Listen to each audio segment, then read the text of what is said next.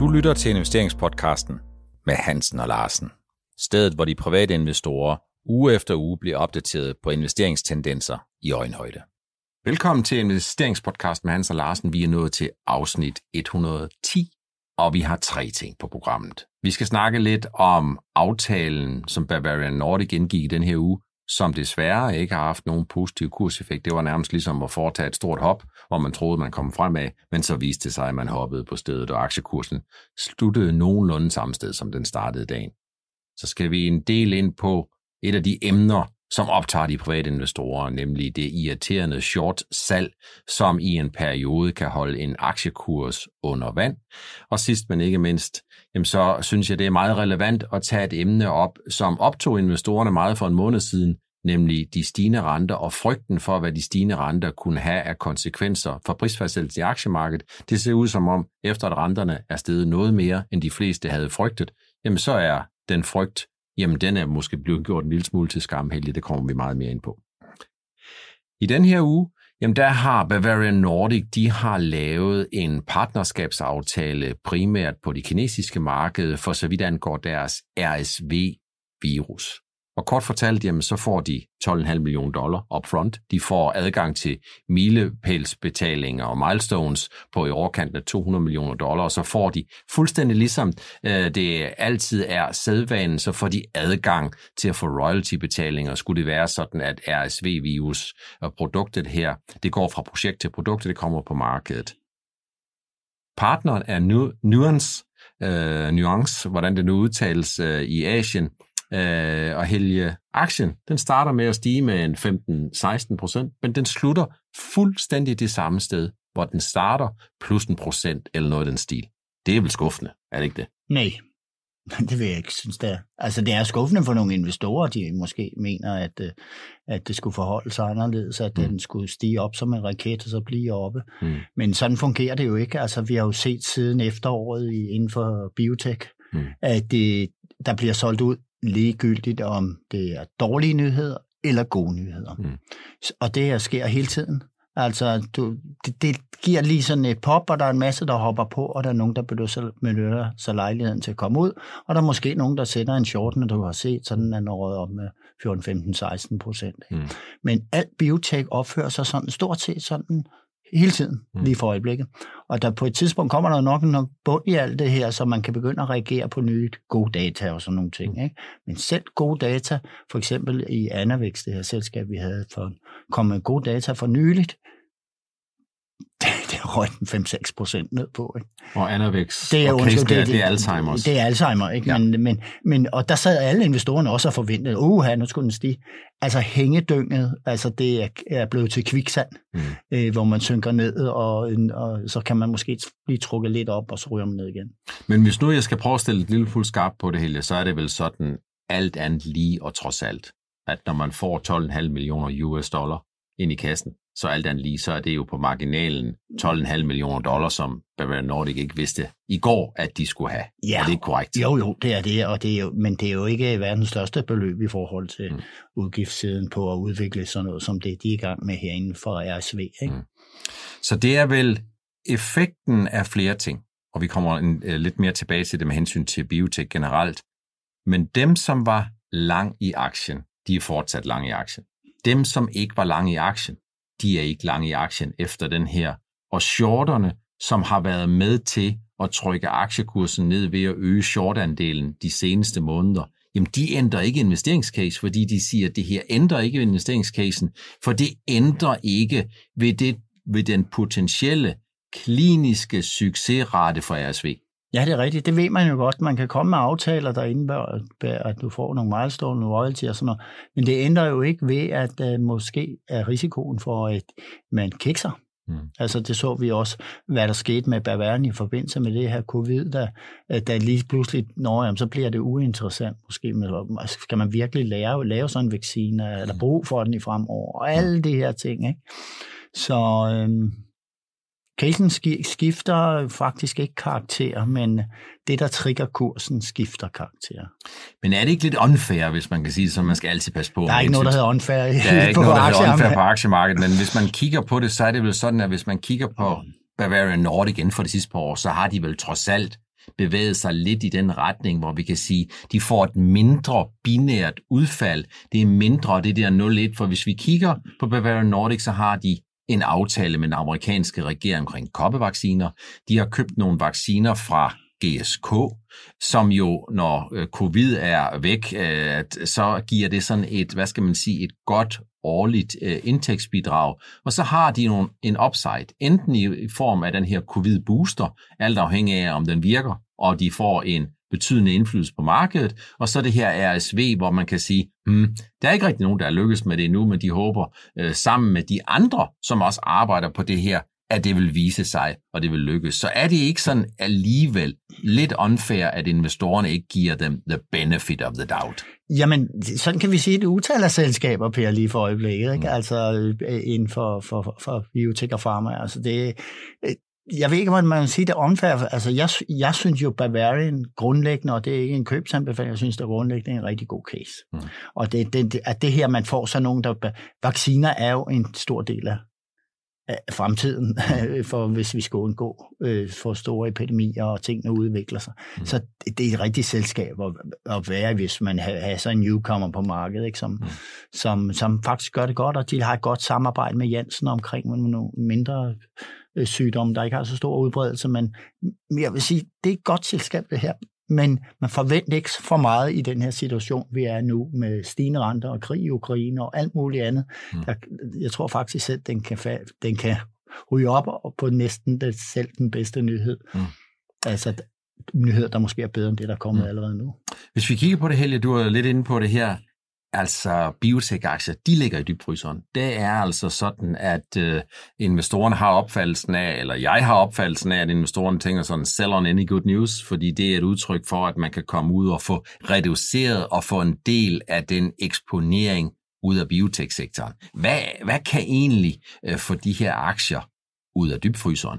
Ja, men det er jeg som, som mangeårig biotech-investor ikke så nervøs for, at ikke, altså, altså der skal komme, at det er sådan et eller andet, der kommer nogle år ind imellem, mm. der er biotech totalt umoderne. Ja. Og øh, folk sælger bare ud, så får de over i noget andet. Mm. Øh, og jeg, der er jeg slet ikke nogen tvivl om, at mange af de her selskaber, de er jo enormt bumpet langt tilbage. Og dem, der vil begynde at stige først, det er dem, der trods alt har noget pipeline, øh, og har noget, de måske har på markedet, så de har nogle indtægter. Det er de lidt mere modne biotech-selskaber. De, vil, de skal nok komme øh, lige, så, lige så snart, øh, lad os, når vi har vendet os til et højere renteniveau og sådan mm. noget, så er der altså nogen, der, hvor man siger, at data kommer altså til at betyde noget igen. Gode data vil at betyde og fremtidige indtægter, øh, godkendelse og fremtidige indtægter, mm. det kommer igen. Men ventetiden, Helge, den er hård. Den er meget hård, og øh, det er ikke kun udsvingene, der er meget hårde, men det er også øh, at, øh, at se de kursudsving, eller den kursudvikling, der er for en lang række biotech-aktier, den har altså været meget, meget brutal. Ja, jeg har jo selv prøvet det i Genmap, så det var, det var meget, meget brutalt, men så var der jo lige pludselig 2800-3000 procent at hente de næste 10 år. Ikke? Mm. Så Jamen, sådan er det med biotek. Jeg skulle ked at sige det. Mm. Det er ikke, man skal have gode nerver for at være i den branche. Vi har været lidt inde på det før, og jeg vil da godt tilkendegive min egen holdning. Den er fortsat, at øh, biotech-aktier, det er kun for folk med, øh, som har rigtig gode investeringsnerver, og som ved, hvordan udfaldet det kan blive. Og biotech, det er jo altid 0-1. Hvis det, man arbejder med, hvis det viser sig at holde, så er det fuldstændig fantastisk. Hvis det, man arbejder med, ikke kan dokumenteres klinisk og være bedre end det, der findes på markedet, og have en tolerant bivirkningsprofil, så er det ikke noget værd. Det er simpelthen sådan der. Og så vil jeg også sige, at der er rigtig mange optimister i, i, i, altså blandt investorerne her, og de siger sådan, hvad er chancen for udfaldet af, af, af det her, det går godt, det er 50 procent. Enten gør de det, eller også gør de det ikke. Mm. Sådan kan man ikke regne. Nej. En af de der ting, som øh, biotech-selskaberne blandt andet har været udsat for, det har været shortsælgere. Jeg har inde på Nordnet-bloggen skrevet lidt om, at øh, der har været shortsælgere, som har været på færre i Ambu, i Zealand Pharma, Bavarian Nordic og ISS, og det har altså trykket aktiekurserne en hel del. Det betyder ikke, at det kun er shortsælgerne, dem der altså låner nogle aktier for at sælge dem kort, i håbet om, at de kan købe dem tilbage på et lavere niveau på et senere tidspunkt, at det nødvendigvis er de eneste, der har været årsagen til det. For noget af det, som jeg godt kunne tænke mig at slå fast igen, Helge, det er jo, at en ting det er shortsælgere, men noget andet det er jo alibiet for at være short.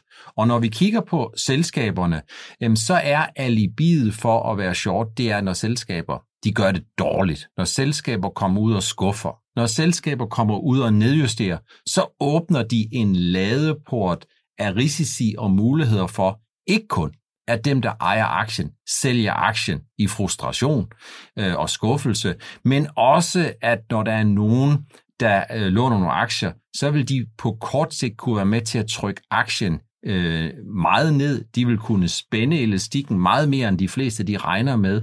Øh, så det er udgangspunktet, det er, at shortsælgerne er sådan set bare nogle af dem, som udnytter, at her er nogle selskaber, der har gjort det dårligt. Ja, det kan faktisk også være nogen, der gør det godt. Det ser vi inde på biotech også. Altså, der kan komme nogle investorer ind på et tidspunkt, hvor hvor man tænker, hvorfor, eller short sælger ind, hvor man tænker, hvorfor går I ind på, på det her tidspunkt? Det har vi set meget Genmap sådan løbende, og vi tænker, så kommer det gode resultater, tjener penge mm. og alt sådan noget, så mm. ser man komme ind. Men det vi også typisk ser, det er, at det, det er sådan puljer, de går ind i. Okay. Altså det kan de tage en hel serie af danske øh, selv, biotech-selskaber, eller i andre brancher måske også, ikke? så tager de sådan og puljer det op. Så vi har kigget meget på en italiensk fond inde i, bio, øh, øh, inde i Genmap-chatten gennem årene, og så er der nogle amerikanske fonde, jamen det er over en bred kamp, de går ind i den her. Mm. Altså, så det, og så hedger de med at være, være lægge lang i noget andet. Mm. Så det, og, og det er jo bare algoritmer og robotter, der kører hele tiden. Rigtig, rigtig mange af dem, der går short, de kender faktisk ikke den case, de går short i. Altså vores indtryk, alle de store gutter der. De går simpelthen, det, det kører maskineriet bare. Nå, jamen nu tager vi alle de danske her, de kommer blevet dyre og højt, kommer højt op i pris, og nu shorter vi dem, og det bliver vi ved med. Indtil robotten siger, at det skal gå den anden vej. Okay. Så hvis man kigger på den udvikling, Helle, så kan man sige, det er vel ikke så mærkeligt, øh, at øh, udviklingen er sådan. Og det er jo ikke fordi, at jeg ved, hvad det er for nogle kliniske faser, der viser sig at kunne dokumentere de ting, som man gerne vil. Men kigger man på det på lang sigt, så er alibiet vel sagtens, at 80-90% af alle de forskningsprojekter, der bliver sat i gang, de viser sig ikke at kunne dokumentere den effekt, man, man, man håber på. Netop. Og derfor kan man sige, så hvis vi nu tager 10 biotech-selskaber og går short i dem, mm. på søren, der vi skal nok have gevinst i mm. 60-70 procent af tilfældene. Mm. Så. Så, så det er meget naturligt, at det sker. Det er mega irriterende, når det sker. Men ikke desto mindre, så kan man sige, at når man snakker om shortsalg, så er biotech-selskaber, det er jo nogle af dem, som står forrest i køen, fordi det er der, hvor risikoen er allerstørst jeg plejer at sige, at de to steder, hvor jeg tror, risikoen er allerstørst, det er inden for biotech, og det er inden for nye, små selskaber, der skal børsnoteres, fordi det med at blive børsnoteret, det med at kunne have overgangen fra at have to, tre eller fire ejere, til lige pludselig at skulle referere til to, tre eller fire tusind forskellige ejere, der skal forventningsstyres hver dag, det er langt, langt sværere og langt mere omsaggribende, end langt de fleste de regner med. Ja, men jeg prøver også at remse de her tilfælde op, og meget ofte, når jeg bliver spurgt om det, altså, øh, hvor, hvor siger, nu har de taget penge i, på bitcoin, eller de har taget på First North aktier, eller ja, Cathy Woods, og hvad der ellers er. Så siger jeg, hvad, hvorfor gik du ind i den her aktie? Hmm hvorfor gik du ind med så mange penge i den her aktie? Mm. Og det er jo faktisk det, at når der risikoen er så stor for tab i nogle brancher, jamen så køb der bare en lille smule, og så vær tålmodig med det.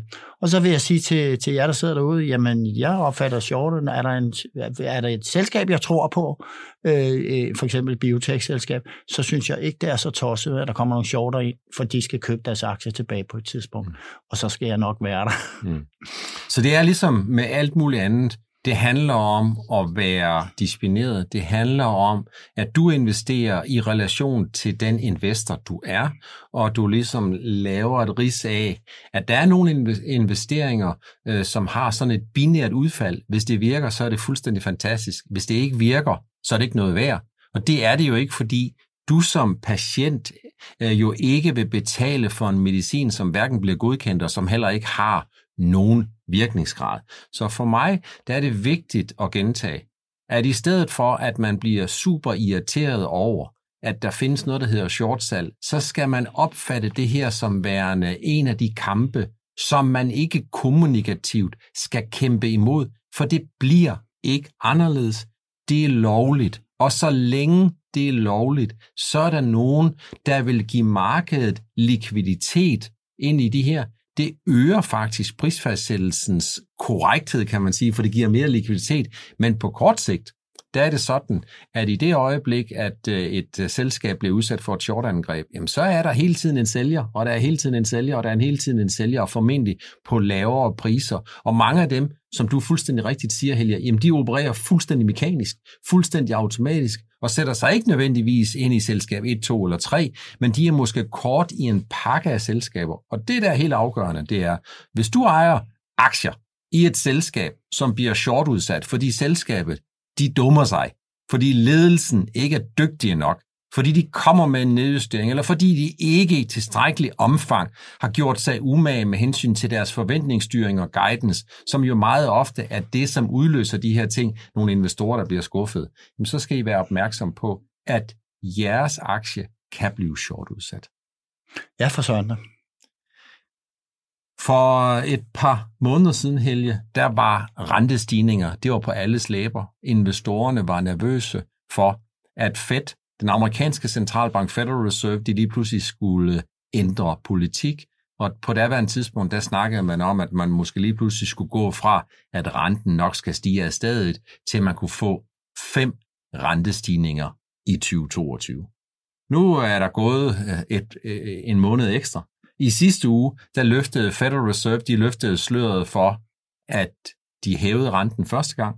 De regner med deres rentevejviser, deres rentedots, der kan de hæve renten yderligere seks gange i 2022. Så vil de hæve renten tre gange i 2023. De 10-årige amerikanske renter her onsdag ligger omkring 2,40. Markedsrenterne er steget noget mere, end de fleste havde regnet med så hurtigt, og forventningerne er, at renterne nu kommer til at stige noget mere, end man havde opfattelsen af for 3-4 måneder siden. Men på aktiemarkedet, Helge, der ser det ud som om, at den der rentefokus, den der renterisiko, jamen efter at Nasdaq Composite og Nasdaq 100 ramte bæremarkedet øh, forrige mandag, jamen så er vi lige pludselig i en situation, at det ser ud som om investorerne siger, at når renterne de stiger, så er det jo fordi, der er god aktivitet i samfundet, så er det bare fint. Det lyder mærkeligt, gør det ikke det? Øh, jo, altså det vi lige skal tænke på, hvis nu flytter renterne herud, mm. og så kigger på, hvad er det, som investorerne er, i, i, virkelig er nervøse for nu, det er jo inflationen, som er, er stukket fuldstændig af. At den stikker endnu mere af, på grund af, at vi har den her situation i Ukraine, og vi mm. har et rigtig pres, stort pres på, på, øhm, på energien, øh, pris, energipriserne, vi har på stålpriser, vi har på sjældne metaller og alt muligt andet, og så har vi fødevarepriserne det hele, og hvis det går, det er altså en perfect storm, hele mådet der lige pludselig mm. tager, for, tager af for alvor. Og hvad er medicinen mod det, man umiddelbart kender, øh, som kan dæmpe inflation og, altså, mm. og stige, stigende efterspørgsel på lønninger osv., det er jo først og fremmest, at renterne bliver hævet. Mm. Og det tror jeg faktisk, det er det, der er mange, der tænker, puha, ja, lad, lad os endelig få renterne op, så vi får ro på, på det her scenarie, som kan give øh, recession i yderste konsekvens. Ikke? Mm. Så det tror jeg faktisk lidt, at der er nogle investorer, der tænker på. Så du tænker faktisk øh, i virkeligheden, at man vender det her til at sige, at den medicin, der skal doseres i forhold til de udfordringer, som er størst, nemlig inflation, det er stigende renter. Øh, der kommer jeg jo faktisk sådan til at tænke på sådan et Paul Volcker, øh, starten af 80'erne, hvor, øh, hvor han slog øh, ikke kun øh, inflation, der kom fra råvarepriserne ihjel, han slog også den amerikanske økonomi ihjel. Yes, det er så ulempen ved, ved det, ikke? Ja. Så, så, øh, men nu, nu kan man godt se, at vi kan ikke komme udenom at få de her rentestigninger, fordi det, situationen er jo eksplosiv på, på inflationsområdet, ikke? Det er ikke alle aktier, som har det dårligt under de her rentestigninger. Jeg skal love for, at da året startede med fuld gas i øh, bankaktierne, så fik de fuld bak dengang, at der kom øh, krig, og Rusland med sin aggression kørte fuldstændig Ukraine over. Og nu skal jeg love for, at øh, rente, renter op lige med bankaktier op.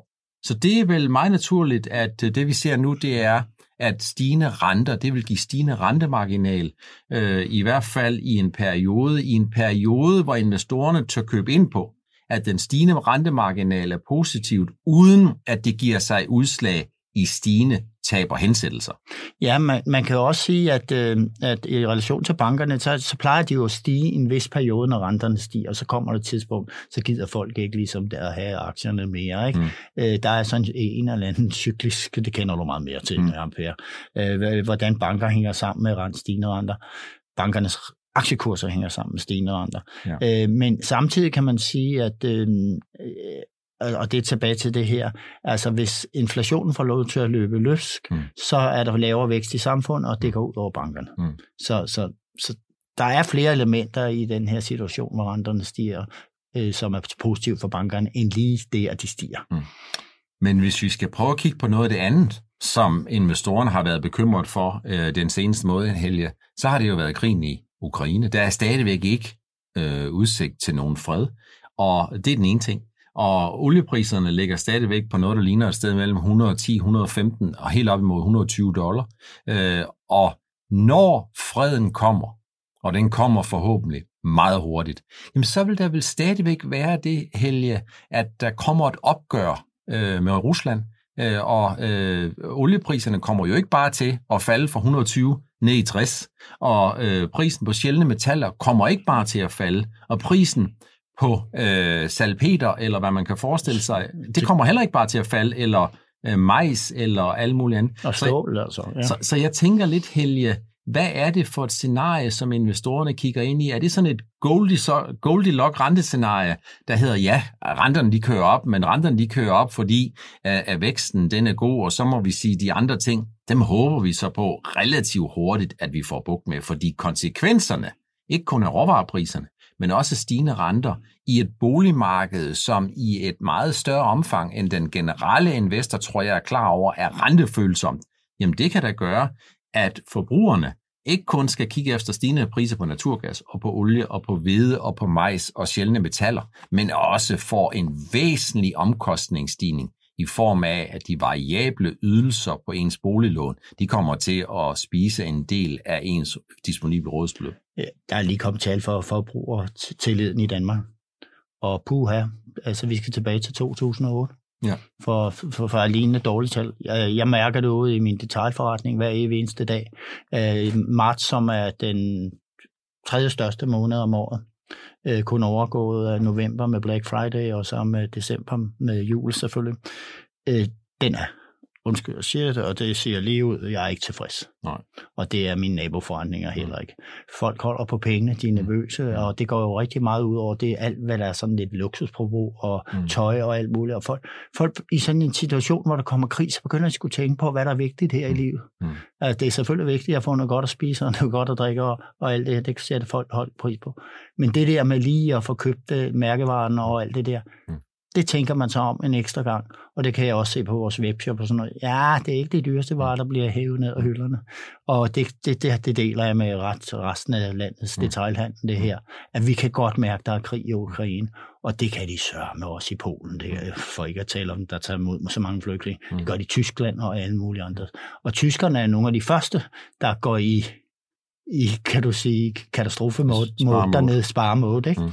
Så. så man kan sige, noget af det, som jeg tror, vi kommer til at høre meget mere om, det er ikke kun, hvor meget stigende priser de udhyler, udhuler købekraften, undskyld, men også, at når priserne stiger, og det disponible rådighedsbeløb går lidt ned, jamen så vil investorerne reagere fuldstændig på den måde, som du lige nøjagtigt giver udtryk for her, Helge. De vil øge deres opsparingskvote. For hver gang de sidder med 100 kroner, hvor de måske tidligere havde regnet med, at de skulle forbruge de 95 eller 97, eller for nogens vedkommende i visse perioder 102, hvor de er nødt til at tære lidt på deres opsparing, jamen så kommer vi ind i en situation, hvor man siger, at vi må hellere lægge lidt til side. Og det der med at spare op og lægge lidt til side er jo rigtig, rigtig godt. På lang sigt, det skaber den buffer, som forbrugerne Øh, de har det godt med. Men på kort sigt, så er det sådan, at stigende marginal opsparingskvote, det vil sige, hvor mange af dine ekstra penge, der går til opsparing, de kan jo kun tages et sted fra, og det er nemlig fra forbruget. Og det er noget af det, som jeg tror er en lille smule nervøs for, øh, kan komme til at overraske negativt de kommende måneder. Ja, og så skal vi lige tænke på, at der er nogle steder, hvor forbruget ikke falder. Altså efterspørgselen efter olie øh, og, og gas og det her, det falder jo ikke sådan i samme takt, som øh, det almindelige forbrug, vareforbrug falder. Altså der er jo en vis mængde. Det kan godt være, at der er nogen, der tænker sig lidt om, når de skal ud og flyve. Mm.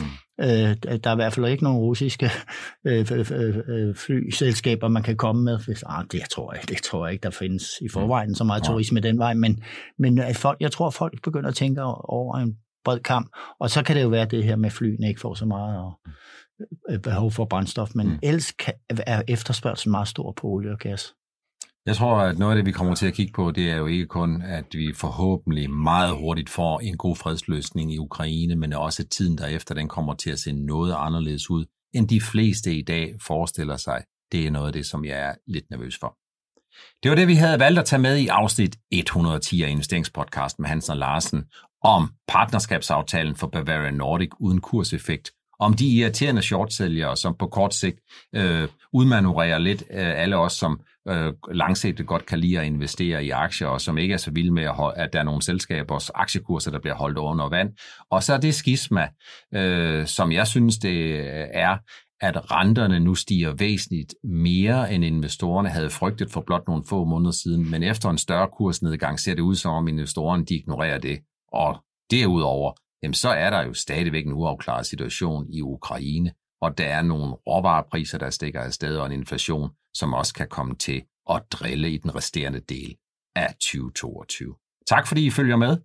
Vi ses igen, vi høres igen ved i næste uges afsnit 111 af investeringspodcasten med Hansen og Larsen.